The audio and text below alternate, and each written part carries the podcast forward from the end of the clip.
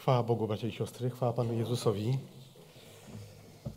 Dzisiaj będziemy dalej omawiać rozdział szósty Ewangelii Marka. Ten rozdział jest dość długi, więc jeszcze parę razy do niego powrócimy. Y, jest tutaj wiele różnego rodzaju zdarzeń. Zajmiemy się kolejną, kolejnym takim wydarzeniem. Y, dwunasty werset, to już czytaliśmy go parę tygodni temu, ale przypomnę, bo chcę do niego nawiązać brzmi wtedy wyszli i głosili, chodzi o uczniów, których posyłał Pan Jezus, że ludzie powinni pokutować. Uczniowie Pana Jezusa wyruszają z wezwaniem, po dwóch wyruszają z wezwaniem, żeby ludzie upamiętywali się, z wezwaniem do pokuty, a werset 30, wcześniej był 12, a teraz 30 przypomnę, a apostołowie zebrali się u Jezusa i opowiedzieli mu wszystko, co czynili i czego nauczali. Apostołowie powracają w 30 wersecie 6 rozdziału Ewangelii Marka i wydaje się, że pomiędzy 12 a 30 powinien być opis tego, co dokonywali. Ale nie ma tam tego opisu, jest zupełnie coś innego. Chociaż to wydarzenie nawiązuje, które jest pomiędzy tymi wersetami. Jest to wydarzenie, w którym dowiadujemy się, co się stało, jakie były okoliczności zamordowania Jana Chrzciciela. Marek najdokładniej opisuje to zdarzenie. Inni ewangeliści poświęcają tylko kilka myśli, kilka wersetów, a Marek się na nim bardziej rozpisuje. Moment zamordowania największego proroków Starego Testamentu. Więc jest godny ten moment, żeby o tym opisać więcej. A może też dlatego, że Marek pisze do pogan, więc y, chcę ten, te okoliczności bardziej roz, rozwinąć. Będziemy dzisiaj rozważać y, fragment między 14 a 29 wersetem, ale jeśli zanim do, do tego fragmentu przejdziemy, to jeszcze może dwa słowa związane z tym, co mieli dokonywać uczniowie Pana Jezusa, czyli mieli dokonywać dzieł mocy, uzdrawiać i tak dalej, ale przede wszystkim mieli głosić, że ludzie powinni pokutować. I mm, ogólnie w społecznościach ewangelikalnych, tak to ujmę, używamy takich sformułowań jak pokuta, nawrócenie czy upamiętanie. I już wielokrotnie też padało to z naszej kazalnicy, że są to synonimy, które można wymiennie używać. One też tak są używane w naszych przekładach Pisma Świętego, w różnych przekładach chociaż wydaje się, że słowo pokuta to takie słowo, które jest już bardziej staropolskie, ale nie, nie zapominajmy o nim, bo ono brzmi bardzo, yy, bardzo jednoznacznie. Według Pisma Świętego pokuta, nawrócenie, upamiętanie nie jest opcją, którą grzesznik może wybrać jedną z wielu, tak jakby to było, była możliwość wybrania jakiegoś dania w restauracji. Jest to konieczność. Oczywiście pod warunkiem, że grzesznik chce utrzymywać z Bogiem relacje i zależy mu na tych relacjach i chce mieć wspólnotę z Bogiem. Jeśli nie, no to wtedy pokuta nie jest mu konieczna, ale to też niesie ze sobą konsekwencje. Treść Ewangelii wyraźnie wskazuje na cel nawrócenia. Oczywiście Pismo Święte pokazuje ten cel bardzo jednoznacznie i mówi o tym, że, że celem nawrócenia jest, jest zbawienie duszy, ale to nie jest jedyny cel, albo w tym celu zbawieniu, zbawienie duszy jest takich wiele pośrednich celów. Upamiętanie jest koniecznością nie tylko dla złodziei, nie tylko dla morderców i cudzołożników, ale jest konieczne dla, dla każdego grzesznika. Każdemu człowiekowi jest potrzebne. Dopóki nie przyznałem się do beznadziejności swoich starań, y, beznadziejności mojego życia wobec sprawiedliwego Boga, dopóki nie wyznaję grzechu Bogu i dopóki nie przepraszam Boga za to, co, jak żyłem wcześniej, dopóki nie położyłem swojego życia i śmierci całkowicie w ręce Pana Jezusa, nazywając Go Panem swoim i Zbawicielem, to dopóty pozostaje największym grzesznikiem. Bo największym grzesznikiem to nie jest ten, który naj, najwięcej cudzołożył, czy najwięcej ludzi zamordował, chociaż z naszego punktu widzenia wydaje się to okropne, ale z Bożego punktu widzenia jest ten, kto odrzuca Pana Jezusa. Bóg jest absolutnie sprawiedliwy i bez znaczenia jest to, jeśli moje, moje moralne życie i moje prawe życie porównuję z kimkolwiek. Bo mogę sobie kogoś wybrać, na kim, y, z kim w porównaniu jestem czysty. ale kiedy stanę przy Bogu, przy Jego czystości, no to żadna czystość, którą moglibyśmy osiągnąć, nie jest możliwa, żeby z nią do Boga przychodzić. Ewangelia Chrystusowa stawia przed człowiekiem szokujące wymaganie. Jakie to wymaganie? Całkowite porzucenie samego siebie, wyrzeczenie się samego siebie. Dlatego, że w grzesznym człowieku nie ma nic dobrego.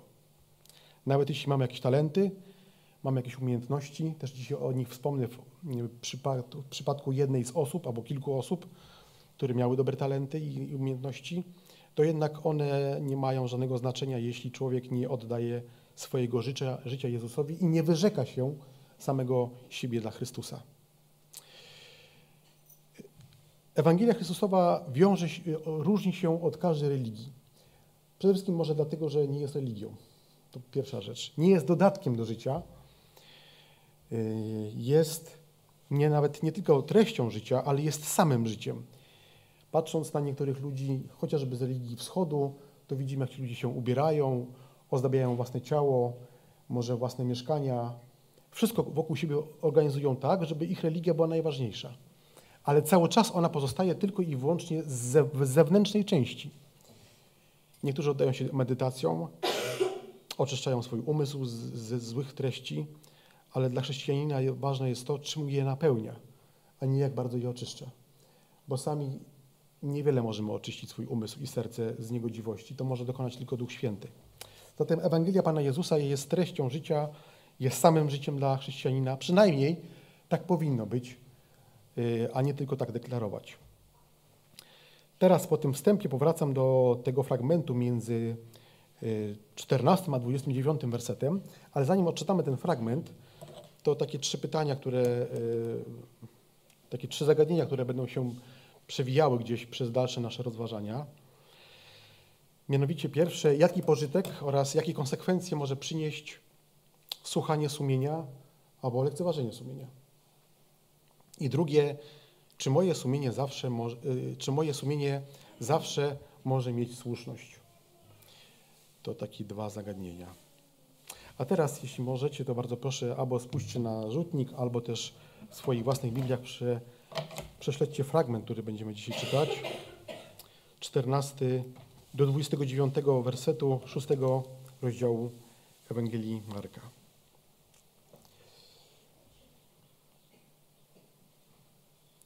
I usłyszał o nim król Herod, bo jego imię się rozsławiło i powiedział, to Jan Chrzciciel zmartwychwstał, dlatego cuda dokonują się przez niego.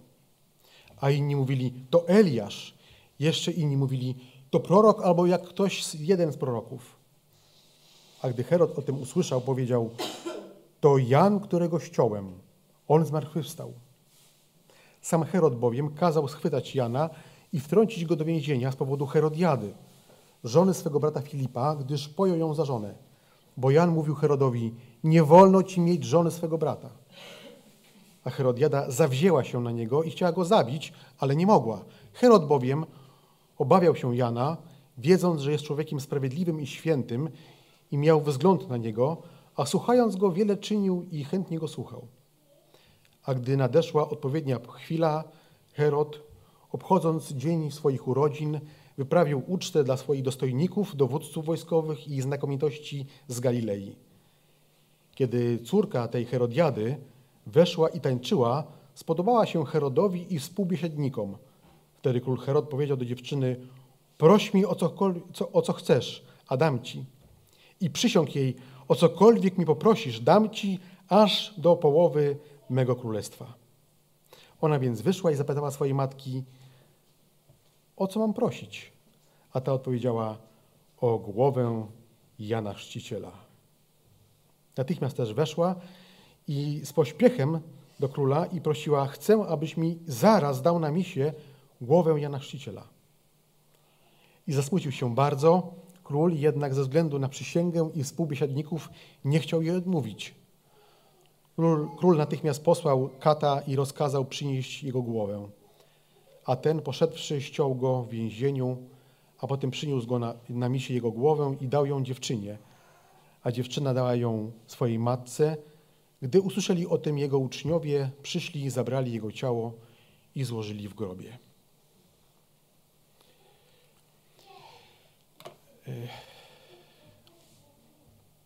Ponieważ tutaj w tej części mamy wielokrotnie wspomniane imię Herod, a w Nowym Testamencie wielu, wiele razy jest imię Herod. Gdyby tak policzyć, o tym już wspominał parę tygodni temu brat Sławomir, to okazałoby się, że Herod powinien żyć bardzo, bardzo długo, bo jest tych wzmianek o Herodzie dużo i za czasów Pana Jezusa, kiedy się rodził i teraz, i później jeszcze uczniowie i dalej, więc co z tym jest nie tak. Wiadomo, że podejrzewamy, że tam musi być wiele Herodów i, i, i było ich więcej. I bardzo proszę o pierwszy slajd, a w zasadzie jedyny slajd. I na nim się na chwilę zatrzymamy, bo on rozjaśni nam troszkę y, o co chodzi z, z Herodami. Ja go, trochę o nim opowiem, to taka trochę techniczna sprawa, ale potrzebna może po to, żeby później jak czytamy Ewangelię, dzieje apostolskie i dzisiaj będę też trochę o tym mówił, to żebyśmy mieli jasność. Herod Wielki, trzeba przyznać, że to jest wielki wojownik. Gdybyśmy przesiedzili jego y, czasy przed tym, kiedy stał się królem, Herodem Wielkim, to naprawdę dziesiątki lat wielkich bitew, czasami porażek, ale człowiek, który był bardzo uzdolniony, zmyślny dowódca, wielki budowniczy. Y, cały Izrael przebudował, można powiedzieć. Zakładał miasta, wioski, y, dobry organizator, jeśli chodzi o gospodarkę. Przed jego, przed tymi wojnami, czy w czasie tych wojen, cały Izrael został zrujnowany, y, więc gospodarka była w bardzo kiepskim stanie, a on spowodował, że ludzie żyli na znacznie wyższym poziomie niż wcześniej. I to są jego pozytywne strony, ale oprócz tego, y, że miał takie pozytywne cechy przywódcze, jest też tyranem, jest mordercą, jest hipokrytą, jest dzieciobójcą, żonobójcą, po prostu jest marnym grzesznikiem. W ostatnich latach swojego życia był na tyle podejrzliwy, że wszędzie widział spiski, te urojone i te, które rzeczywiście były. Jak tutaj zauważycie, do tego przejdę, dwóch jego synów, Aleksander i Arystobul, mają y, ten sam rok śmierci. To nie jest przypadek. To autorem tej śmierci był właśnie Herod Wielki. Y, w zasadzie Herod można powiedzieć, że liczył się tylko z jednym zdaniem, ze zdaniem Rzymu. Jak Rzym na coś, czegoś zabraniał, to, to już tego nie robił. Albo zabiegał, żeby mu pozwolono. Najwięcej jego, największa część jego władzy to y, przypada na część w, w, w rządów Oktawiusza Augusta, Oktawiana Augusta. I tutaj mamy, jak widzimy, mamy pięć żon, ale ich było dziesięć. Dlaczego resztę nie pokazuje? Y, chciałbym powiedzieć, że są nieistotne. Żony nigdy nie, jest, nie są nieistotne, ale w tym sensie historycznym są nieistotne. Znamy tylko ich imiona, nie wiemy, jakie miały dzieci, y, nie wiemy skąd pochodziły, kim były wcześniej. O tych wiemy dużo i te, ich potomstwo wchodzi w skład tej części Pisma Świętego, która nas interesuje, więc one są tu pokazane. Y, pierwsza żona Heroda Wielkiego to Doris, która miała syna Antypasa. Następna żona to Mariamne. Mariamne, tak notabene, to imię od Miriam, czyli Marii i y, to była żona Hasmoneitka, tak, tak trzeba ją określić, ponieważ ona była z rodu y, Machabeuszy. To ci Machabeusze, którzy prawie 200 lat przed Chrystusem walczyli z, z Grekami o to, żeby oczy, oczyścić Izrael. I z tej y, żony drugiej jest dwóch synów, Aleksander i Arystobul. Jak wspomniałem, oni parę razy mieli na pieńku, że tak się wyrażę, z Herodem, aż w końcu nie udało im się nie udało im się przechytrzyć ojca i stracili życie. Zresztą żon, y, jego żona też. Ale Arystobul, jak widzimy, jest ojcem Herodiady. Jak założyliście na pewno niektóre, niektóre imiona są w innych kolorach, to dlatego, że te kolory y, prawdopodobnie czerwony to jest, albo taki krwisty. To są to osoby, które występują w dzisiejszym fragmencie, który czytaliśmy, y, czyli Herodiada, Herod Antypas, Filip, Herod Filip I i Salome. Jeszcze do nich powrócę na chwileczkę. Następnie Herod y, Wielki ożenił się z Mariamnę II, y, która jest tutaj nazwana Samarytanką, bo ona pochodziła z Samarii. Z tego małżeństwa urodził się syn właśnie Herod Filip I, który został opuszczony przez Herodiadę. Tenże Filip I był mężem y, żony, mężem Herodiady, bo w 17 wersecie tego fragmentu czytaliśmy, że sam Herod bowiem kazał schwytać Jana i wtrącić go do więzienia z powodu Herodiady, żony swego brata, chcielibyśmy przeczytać Heroda Filipa I. Właśnie to jest ten Filip. Ten Filip nie, był, nie rządził żadną częścią Izraela. On był przez większą część swojego życia w Rzymie, tam y, dość dobrze żył, y, bogato żył, dostojnie żył, bo był z rodziny królewskiej. No i odwiedził go jego brat, Antypas. Odwiedził go i uwiódł mu żonę, więc tacy to byli bracia. Choć to prawda przyrodni, ale tak się wydarzyło właśnie. Następnie, następnie Herodiada ze swoją córką Salomę opuszcza swojego męża i z Herodem przenoszą się do, do Judy, a w zasadzie do Perei. Ale powróćmy jeszcze do tego drzewa genealogicznego. Herod Wielki także z małżeństwa z Maltakę, z, z żoną Maltakę, y, z tą y, kobietą ma Archelausa. On też tutaj jest zaznaczony innym kolorem, y, dlatego że kojarzymy sobie taką sytuację, że kiedy rodzi się Pan Jezus, anioł ostrzega ojczyma Pana Jezusa Józefa, żeby uciekał do Egiptu. Oni uciekają do Egiptu. Wtedy Herod Wielki pokazuje na co, na co go stać, morduje dzieci w Betlejem. No ale po jakimś czasie, po kilku latach, anioł mówi, wracajcie teraz do, do Judei, ale w śnie też Józef się dowiaduje, że nie mają wracać do Betlejem, bo właśnie Archelaus, tenże właśnie Archelaus rządzi, rządzi Judeą i prawdopodobnie ma jakieś y, pretensje jeszcze do, mógłby mieć pretensje jakieś do rodziny y, Józefa, więc zamieszkują w Nazarecie. Tam, gdzie Archelaus nie może ich sięgnąć, bo tam ktoś inny tamtą częścią Izraela dowodzi, zarządza. Zatem Filip, y, Herod Filip I i Herod Antypas, władca Galilei, byli przyrodnimi braćmi z jednego ojca, z, z innych matek. Herod Filip I nie dziedziczył żadnej prowincji. Y, Herod y, Antypas to ten, który tutaj występuje, zarządza Pereą i on ze swoją nową żoną, tak można powiedzieć, Herodiadą i córką Salome mieszkają sobie w takiej twierdzy wielkiej. Ona była zbudowana na wybrzeżu, wschodnim wybrzeżu Morza Martwego, otoczona wąwozami, także w zasadzie trudno, żeby ją otoczyć. Y, to nie jest Iliada, że, że się wybrano po odbicie kobiety, tak, pod Troją. Tutaj nic takiego się nie dzieje. Filip daje spokój, więc mamy Heroda Antypasa, jego małżonkę Herodiadę, Salomę i e, w tym miejscu właśnie tej całej historii jesteśmy, kiedy mm, no, Jan Chrzciciel dociera do sumienia, stara się dotrzeć do sumienia Heroda. Jeszcze wspomnę może o tej dolnej części dwa słowa, mm, tak żeby i tej części bardziej e, prawej tego drzewa genealogicznego. E, Kleopatra to nie jest ta Kleopatra, którą, o której moglibyśmy od razu pomyśleć, jako żona Heroda. Y, tamta Kleopatra y, egipska nie lubili z Herodem, a ta Kleopatra jest z Jerozolimy. No i jeszcze jest y, Mariam, już o niej wspomniałem, matka Filipa I. Jest napisana tutaj córka Szymona, arcykapłana. Herodowie mieli to do siebie, że sobie sami ustalali arcykapłanów. To jest jakaś aberracja umysłowa, bo, bo kapłani byli, a inaczej, arcykapłani byli arcykapłanami do końca swojego życia, ale Herodowie mieli inne spojrzenie na tą kwestię, jeśli chodzi o Torę. Więc w takiej sytuacji jesteśmy. Y, to wszystko wydaje nam się niemoralne, nieetyczne i dziwne, ale dla wielu rodzin królewskich, nie tylko ze świata antycznego, ale również ze świata i wcześniejszego, i późniejszego, to normalne jest, że te, normalne to dziwnie brzmi, ale te koligacje rodzinne takie były, że się w rodzinie wrzeniali, y, no, bardzo często to nie wychodziło tym ludziom na zdrowie. Nie tylko zdrowie takie spowodowane tymi koligacjami, ale również tych takich szarpań pomiędzy władzą, koroną i tak dalej. Bardzo dziękuję za ten slajd.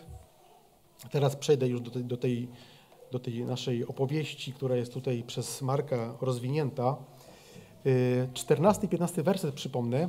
I usłyszał o nim król Herod, bo jego imię, chodzi o Pana Jezusa, rozsławiło się i powiedział, to Jan Chrzciciel zmartwychwstał, dlatego cuda dokonują się przez niego, a inni mówili to Eliasz, jeszcze inni to prorok, albo jak ktoś jeden z proroków. zobaczmy, że wieść o Panu Jezusie i o dziełach mocy, które dokonywał Pan Jezus, we wszystkich ludziach, którzy znali chociaż trochę Torę, Stary Testament i wiedzieli, że Mesjasz może przyjść, to wszyscy, wszyscy ci Żydzi albo ci, którzy mieli kontakt z Żydami, yy, wnioskowali, że ten człowiek to jest Eliasz albo który, jeden z proroków. Tylko akurat jeden Herod myśli o nim, że to jest Jan Chrzciciel. Wszyscy wokół niego mówią, że nie, że to jest ktoś inny, a on, że to Jan Chrzciciel. Yy, dla Heroda sąd nieczystego sumienia, bo wcześniej zabił Jana Chrzciciela, jest taki, tak duży, że Herod Antypas nie może sobie chyba dać rady trochę ze swoim sumieniem i nieuchronnie to wskazuje na jego winę, że cały czas ona w nim jest. Bo jak się dzieją przez ręce Pana Jezusa jakieś wielkie czyny, no to od razu wiąże to właśnie z, Chrystus, z Janem Chrzcicielem, że musiał zmartwychwstać. I wydaje się, że, że w tym jest trochę też obawy, bo przecież go zabił. Ta świadomość dała, nie, dała, nie dawała spokoju Herodowi, Antypasowi, chociaż śmiało można powiedzieć, że Heros Antypas y, był niewyrodnym ojcem, y, synem swojego ojca, bo tak samo był bezwzględny i bez skrupułów jak Herod Wielki. Y, jednak kiedy człowiek popełni zły czyn, to nawet jak mija dużo czasu, a to była okropność, ściąć głowę człowiekowi, który na to nie zasługiwał i którego w jakimś sensie lubił chyba, no to ten zły czyn cały czas nie daje spokoju Antypasowi. Ciężar winy ciągle wraca, oskarżając grzesznika. Nie można uciec od samego ciebie, chociaż yy, grzesznik stara się to zrobić. A kiedy oskarża człowieka jego własny wewnętrzny głos, jego własne sumienie, to jest to najgorszy oskarżyciel, bo każdego innego można unikać, uciszyć. E, Herod swoje sumienie w postaci Jana w końcu pozbył się, może nie chciał do końca, ale widać nie było mu to na tyle bardzo bliski człowiek, że, że nie zdobył się na obronę Jana Chrzciciela, tylko go zabił. Więc inne głosy można uciszać.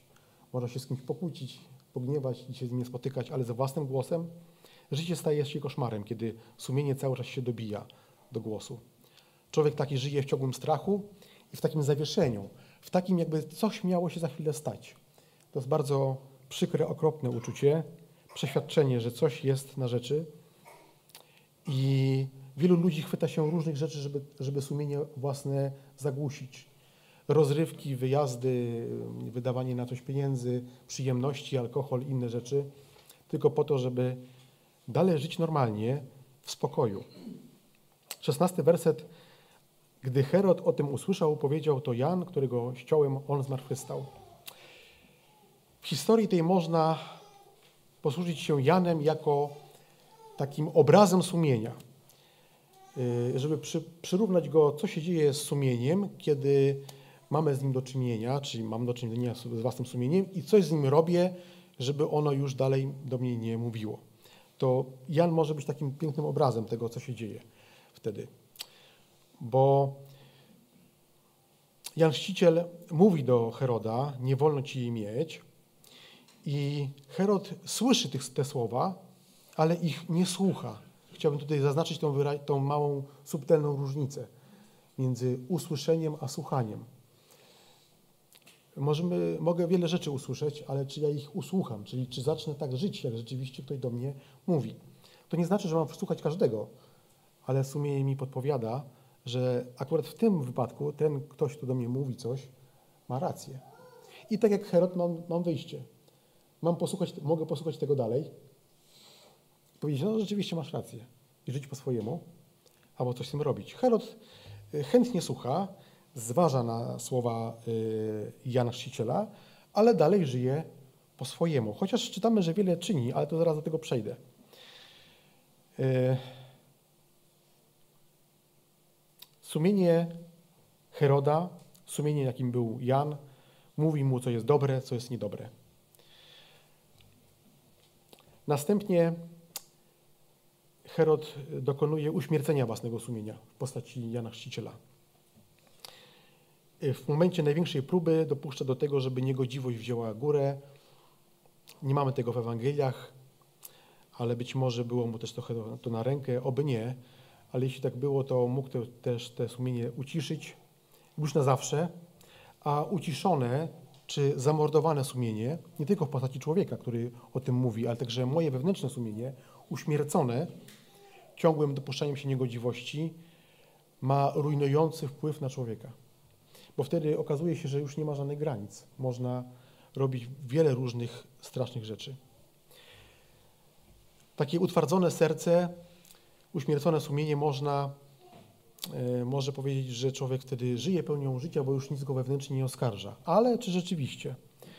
Bo kiedy przychodzi odpowiedni czas, odpowiednie okoliczności i zaczyna działać Pan Jezus, no to te uśmiercone sumienie w postaci, akurat dla Heroda, w postaci nieżyjącego Jana, nagle się okazuje, że on sobie kojarzy go jeszcze raz. Jakieś okoliczności szczególne spowodowały to, że jego nieżywe sumienie jednak było trochę żywe. Jednak mu coś podpowiadało, że to, to, to co zrobił, było złe.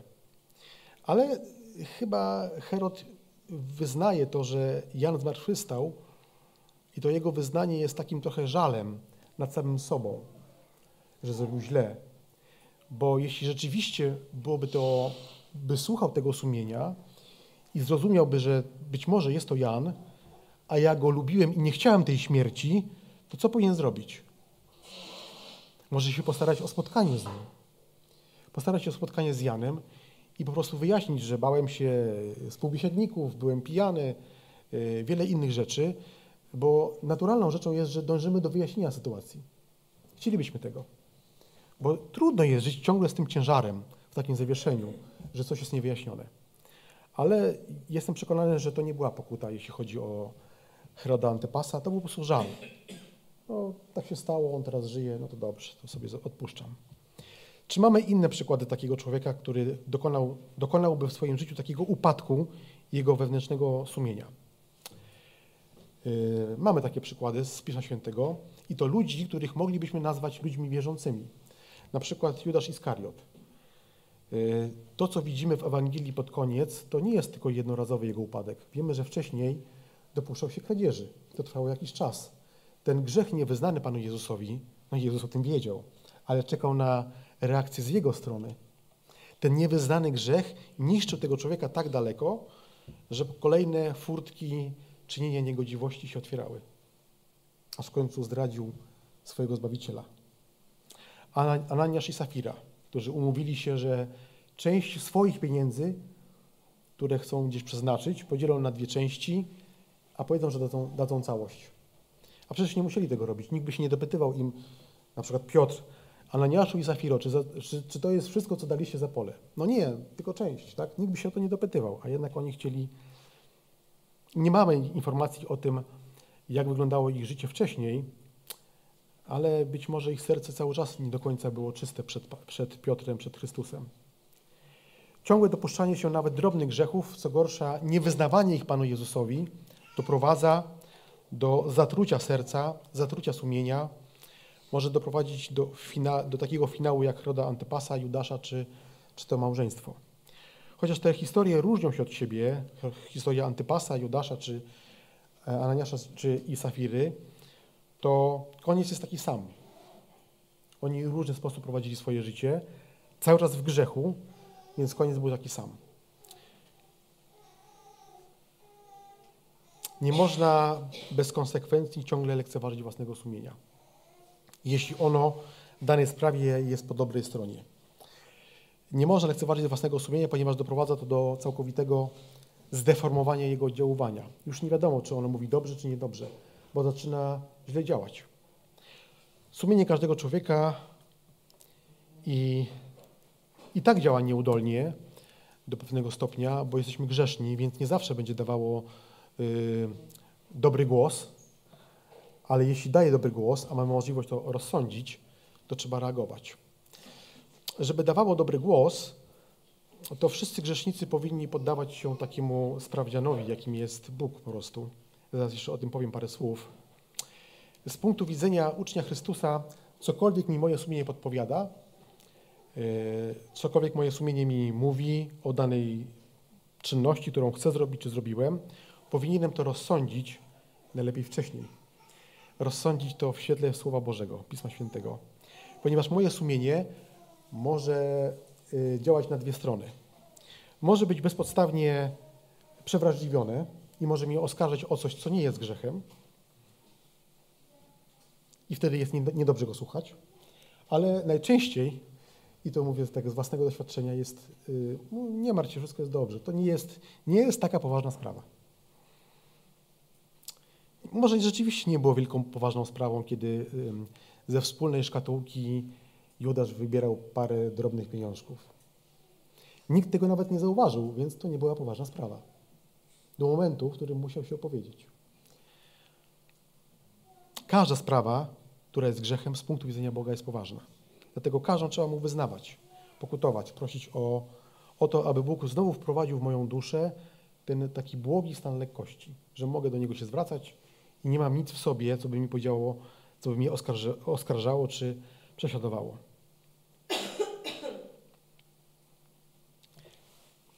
Zawsze potrzebuję Bożego oświecenia przychodzącego ze Słowa Bożego. Zawsze potrzebuję łaski Ducha Świętego. Yy, jednak nic nie dokonuje się automatycznie. Jest potrzebna moja praca, żeby rozsądzić moje sumienie, czy ono mi dobrze podpowiada. Konieczne jest świadome i celowe działanie.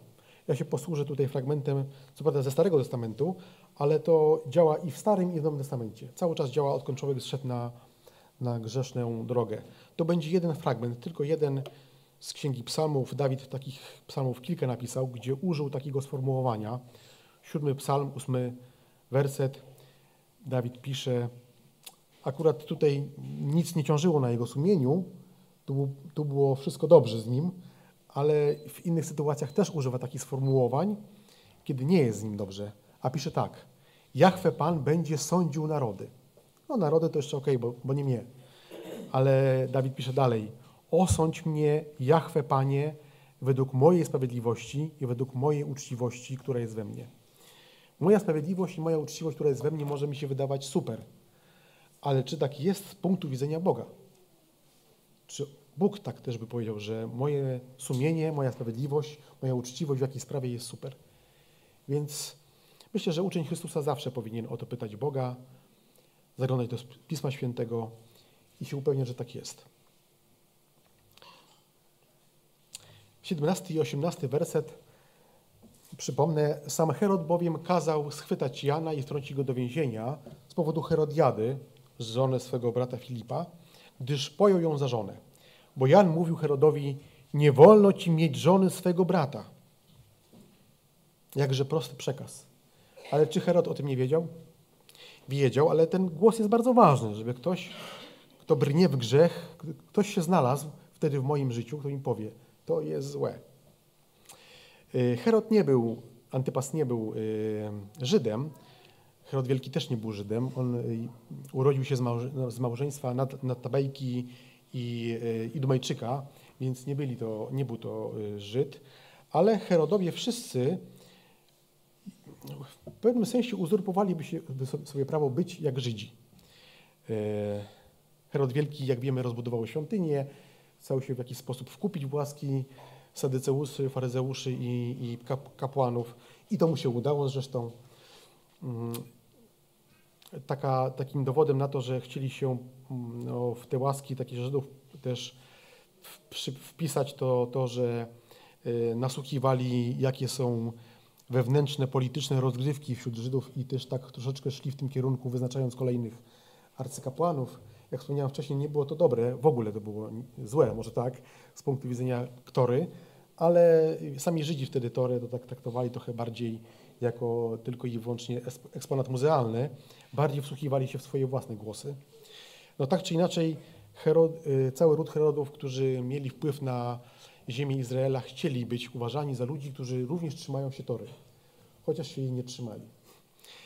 I Herod Antypas dobrze wiedział, co na temat cudzołóstwa mówi Stary Testament. Dobrze wiedział, co na temat y, takiej bliskiej więzi rodzinnej i małżeństwa mówi Stary Testament. Gdybyśmy prześledzili kapłańską 18 i 20 rozdział, nie będę tego robił, bo tam jest dużo takich zapisów, to tam wyraźnie jest mowa o tym, że Herod był kazirodczym cudzołożnikiem, tak można go określić. Jedno i drugie było naganne.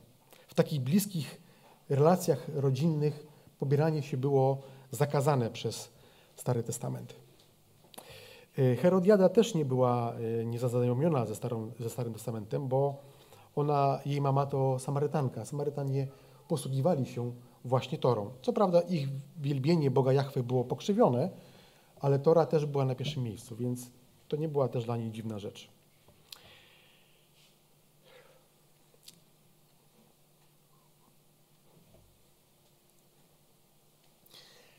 Przy Herodzie Antypasie nie znalazł się nikt, znaczy tam byli ludzie, którzy mogliby to zrobić. Byli Sadyceusze. Trzeba nam pamiętać, że Sadyceusze to szlachta żydowska, która jest bardzo bogata. Faryzeusze może nie są tak, tak bogaci, ale równie wpływowi.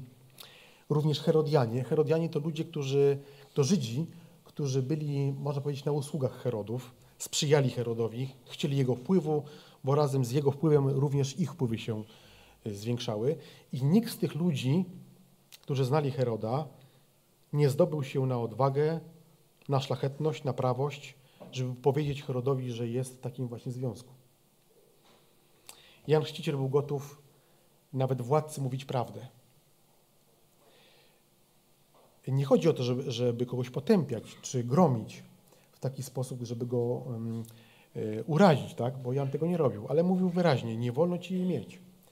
Te słowa z jednej strony są na tyle gładkie, że można je przyjąć, a, a z drugiej strony są na tyle jednoznaczne, że bardzo ład, ładnie pokazują e, grzesznikowi, co jest, co leży u jego u fundamentów jego grzechu. Nie pakował tej prawdy w jakąś ładne, ładną Y, opakowanie, tylko mówił, jak sprawy się wyglądają. I Jan tak samo mówi przed więzieniem i tak samo mówi w więzieniu. Więc Jan się nie zmienia. To y, rzeczywistość się wokół niego zmienia, ale on trwi, cały czas trwa w Słowie Bożym. Te same przesłanie głosił też w więzieniu, y, kiedy też głosił Izraelowi, przygotowując Izrael na Mesjasza, to głosił wszystkim, że muszą pokutować. I tak samo mówił to Herodowi. Jan głosił upamiętanie i wyznawanie grzechu, do tego też zapewne zachęcał Heroda czy Herodiadę i widzimy tutaj, że mm, ci ludzie zupełnie inaczej reagowali na to. Zaraz do tego jeszcze wspomnę. Ale słysząc tak bezkompromisowe wezwanie, zapewne rozumieli, że pokuta i wyrzeczenie się grzechu, czy, czy zostali wezwani do tego, żeby się wyzwali, wyzbyli grzechu, to jaki, był finał, jaki mógł być finał tego, żeby usłuchali Jana Chrzciciela? No mogli powiedzieć, słuchaj, no rzeczywiście zgrzeszyliśmy.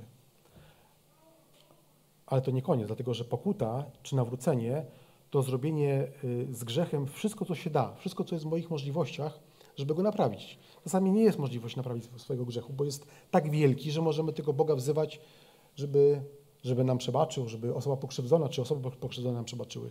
Ale w tym wypadku Herod, Antypas i Herodiada powinni się rozstać. To byłoby ich wyznanie pokuty. Wszystko jedno, czy Herodiada wróciła do Filipa i tam go prosiła o przebaczenie, czy on by jej przebaczył, czy nie, to jest inna rzecz. Herod Antypas mógłby ją utrzymywać, bo byłoby na to stać, ale nie powinni być razem. To byłby znak dla Jana i dla innych ludzi, że są w stanie pokuty. 19 i 20 werset. A Herodiada wzięła, na, na, wzięła, y, zawzięła się na niego i chciała go zabić, ale nie mogła.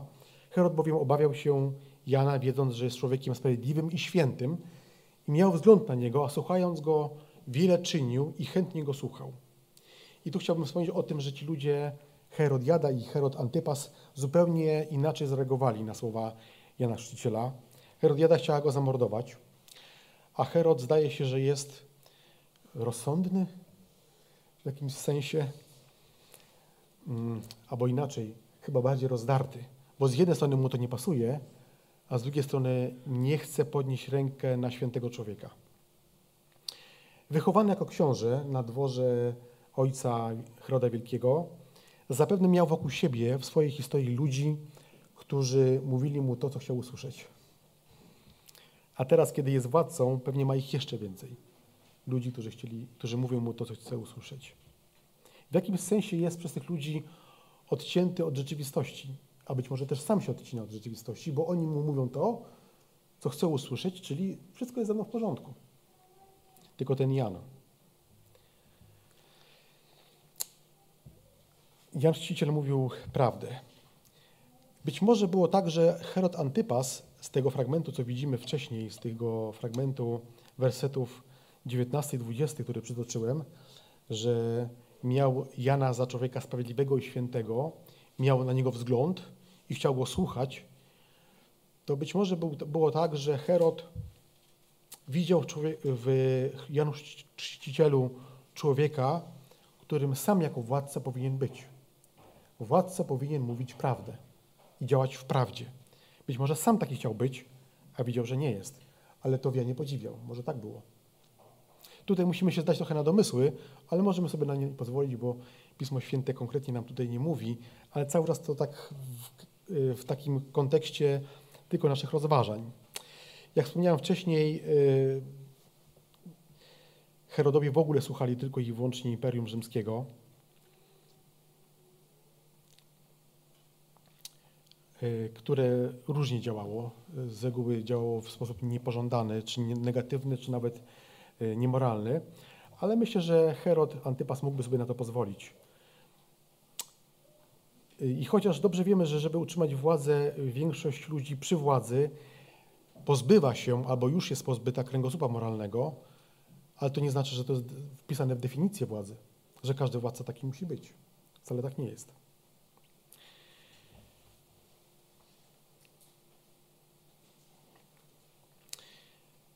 Czytamy, że miał wzgląd na Jana Chrzciciela, a słuchając go wiele czynił. Wiele czynił. Co on mógł czynić? Y, na tym etapie słuchania Jana Herod Antypas dokonywał wielu czynów. Y, grzechem Antypasa było to, że może wiele czynił, ale nic nie uczynił ze sobą. I tak to właśnie działa. Myślę, że tak to się może przekładać, że grzesznik, który nic nie uczyni ze sobą, chce być wobec innych, może Boga, samego siebie bardzo ofiarny. Może dać więcej pieniędzy, na kościół albo na, jakąś, na, na jakiś wolontariat, albo czymś innym y, być ofiarnym, ale cała kwestia, którą tutaj widzimy z Herodem, jest to, że on wiele czyni, ale nic nie czyni z własnym sumieniem i nic nie czyni w swoim sercu. I myślę, że to jest jego największy grzech.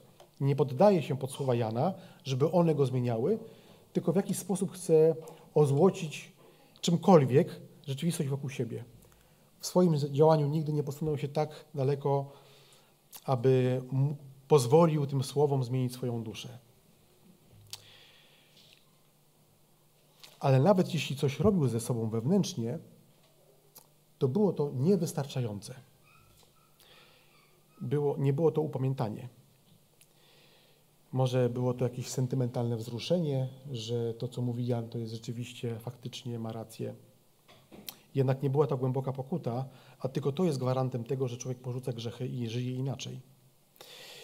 I mam taki wniosek e, swój osobisty z przykładu Heroda Antypasa, jego mm, sympatii do Jana Chrzciciela, że samo słuchanie Ewangelii, nawet regularne słuchanie nawet najlepszych kazań, a mamy dzisiaj taką możliwość yy, chociażby na YouTubach, więcej samo czytanie Pisma Świętego, samo przychodzenie na nabożeństwa, wszystkie nabożeństwa, samo czytanie osobistego egzemplarza Pisma Świętego może nie mieć żadnego wpływu pozytywnego na moje sumienie.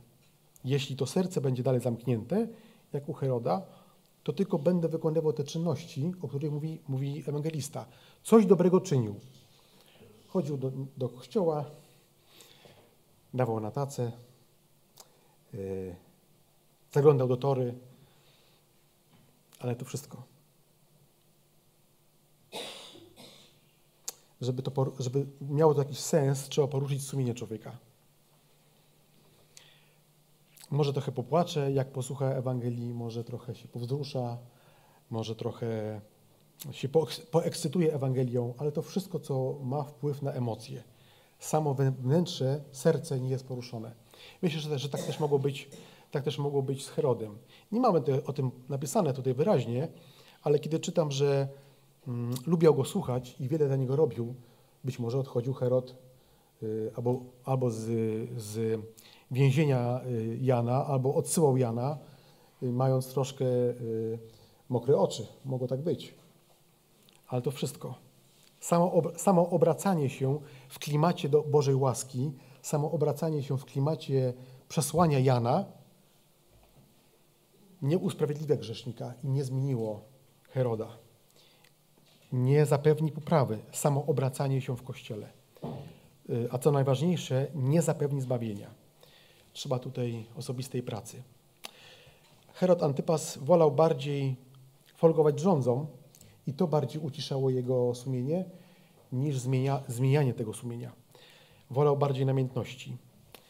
Zobaczmy teraz na ten ostatni fragment, 21-28. A gdy nadeszła odpowiednia chwila, myślę, że to, te słowa nawiązują do tego, co Herodiada planowała zrobić. Być może ona coś yy, wcześniej jakieś robiła podchody, ale to była ta chwila, odpowiednia chwila. Tylko dla kogo? Herod, Antypas, y, obchodząc dzień swoich urodzin, wyprawił ucztę dla swoich dostojników, dostojników wojskowych i znakomitości z Galilei, kiedy córka tej Herodiady weszła i tańczyła, spodobała się Herodowi i współbiesiadnikom, wtedy król powiedział do dziewczyny, proś mnie o co chcesz, a dam ci. I przysiąg jej, o cokolwiek mnie poprosisz, dam ci aż do połowy mego królestwa. Jak grzesznikowi łatwo jest rozdawać majątności, ale co z nim samym? To już jest bardzo trudne. Ona więc wyszła i zapytała swoją matkę, co mam, o co mam prosić. A ta powiedziała, o głowę Jana Chrzciciela. Natychmiast też weszła z pośpiechem do króla i prosiła, chcę, abyś mi zaraz dał na misie głowę Jana Chrzciciela. Być może gdyby to miało być później, to by się rozmyślił. I zasmucił się bardzo król, jednak ze względu na przysięgę współbiesiadników nie chciał jej odmówić. Król natychmiast posłał kata i rozkazał przynieść jego głowę. Ten poszedłszy ściął go w więzieniu, potem przyniósł na misie głowę, głowę jego i dał ją dziewczynie, a dziewczyna dała ją swojej matce. Czytając ten fragment od razu widać, że Herod Antypas i towarzystwo gości yy, nie było do końca trzeźwe, z całą pewnością.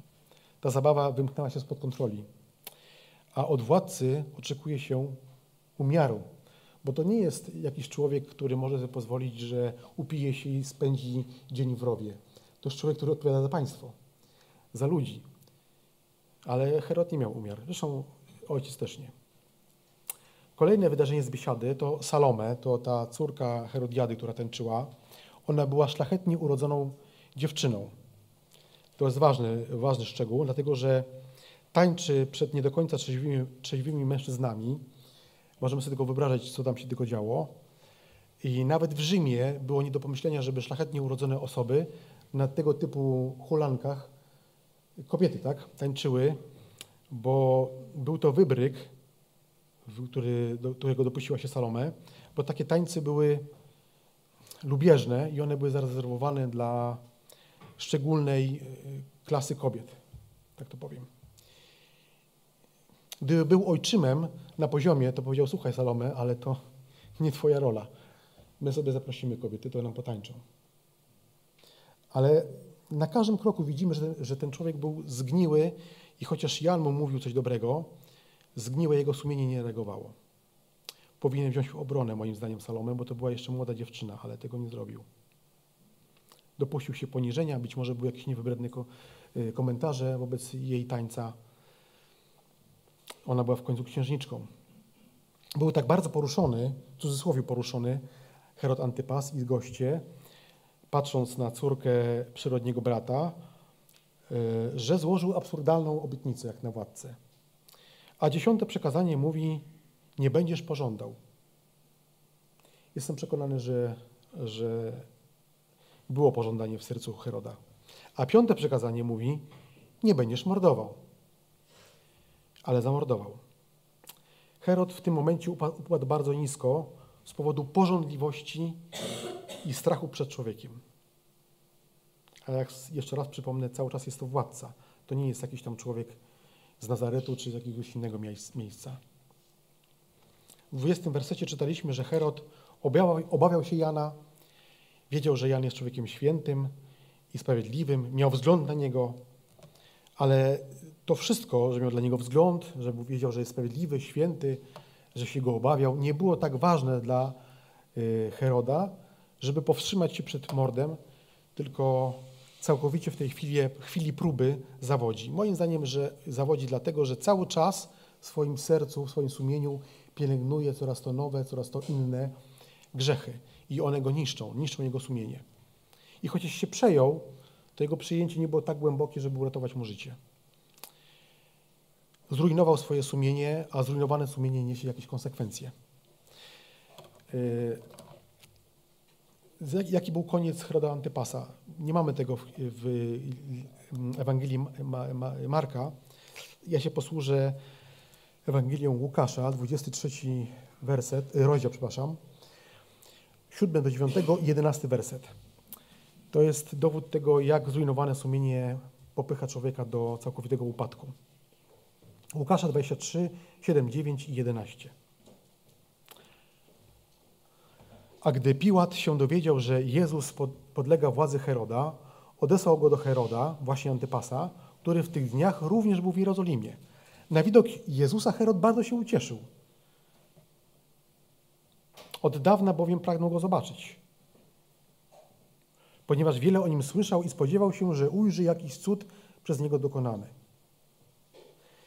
I zadał mu wiele pytań, lecz on, Pan Jezus, nic mu nie odpowiedział. Wtedy Herod ze swoimi żołnierzami wzgardził nim i naśmiewał się z niego, ubierając go w białą szatę i odesłał go z powrotem do Piłata. Czyż nie był to najlepszy czas dla Heroda Antypasa na wyznanie i pokutę? Skoro wiele o nim słyszał i chciał się z nim zobaczyć, no to nie jest czas na zadawanie pytań. To jest czas na to, żeby powiedzieć, co mam ze sobą zrobić. Zupełnie inna sytuacja w przypadku Jana. On nie był wtedy pod wpływem alkoholu, nie był wśród biesiadników, miał wokół, wokół siebie sług, żołnierzy, więc oni y, chętnie go by słuchali, nie musiał się ich wstydzić. Poza tym mógł być na, na osobności z Panem Jezusem. Był to czas na to, żeby, żeby nie oczekiwać od Pana Jezusa kuglarskich sztuczek, żeby mógł, nie wiem, żonglować bez dotykania ręki butelkami, tylko czas na wyznawanie grzechu. Ale chciał jakiejś sztuczki, żeby mógł się zabawić. Y, mam wrażenie, że to jest koniec życia sumienia tego człowieka. Wtedy, kiedy powinien się naprawiać, on upada. Ale jest, y, Herod Antypas jest w takim momencie mroku grzechu, że Chrystus, że Bóg nie ma już mu nic do powiedzenia. A wcześniej Jan wielokrotnie mu mówił, nie wolno ci jej mieć. I pewnie jeszcze innych wiele rzeczy mu mówił, że nie wolno mu robić, ale on tego nie słuchał. A kiedy stanął przed Chrystusem, to go zelżył. Ten obraz Heroda Antypasa jest takim obrazem tego, że jeśli, wspominałem już o tym, że jeśli człowiek nie słucha nawet swojego zdeformowanego grzechem sumienia, bo ono bardzo często mówi dobrze, i lekceważy go, to cały czas nieuchronnie coraz niżej się posuwa do coraz gorszych rzeczy. Jeśli nie uciszę grzechu, to grzech uciszy moje sumienie i w końcu uciszy też mnie. W Ewangelii Jana mamy zapisaną bardzo wymowną sentencję, która wynikła z rozmowy y, Pana Jezusa z Nikodemem i chciałem na koniec ją zacytować. Ewangelia Jana, trzeci rozdział, 19 werset 20, do 21. Tam jest użyte słowo światłość i światłość to tak naprawdę chodzi o Pana Jezusa. A potępienie polega na tym, że światłość przyszła na świat, lecz ludzie umiłowali ciemność bardziej niż światłość, bo ich uczynki były złe. Każdy bowiem, kto źle czyni, nienawidzi światłości i nie idzie do światłości, aby jego uczynki nie były zganione. Lecz kto czyni prawdę, przychodzi do światłości, aby jego uczynki były jawne, że w Bogu są dokonane. Amen.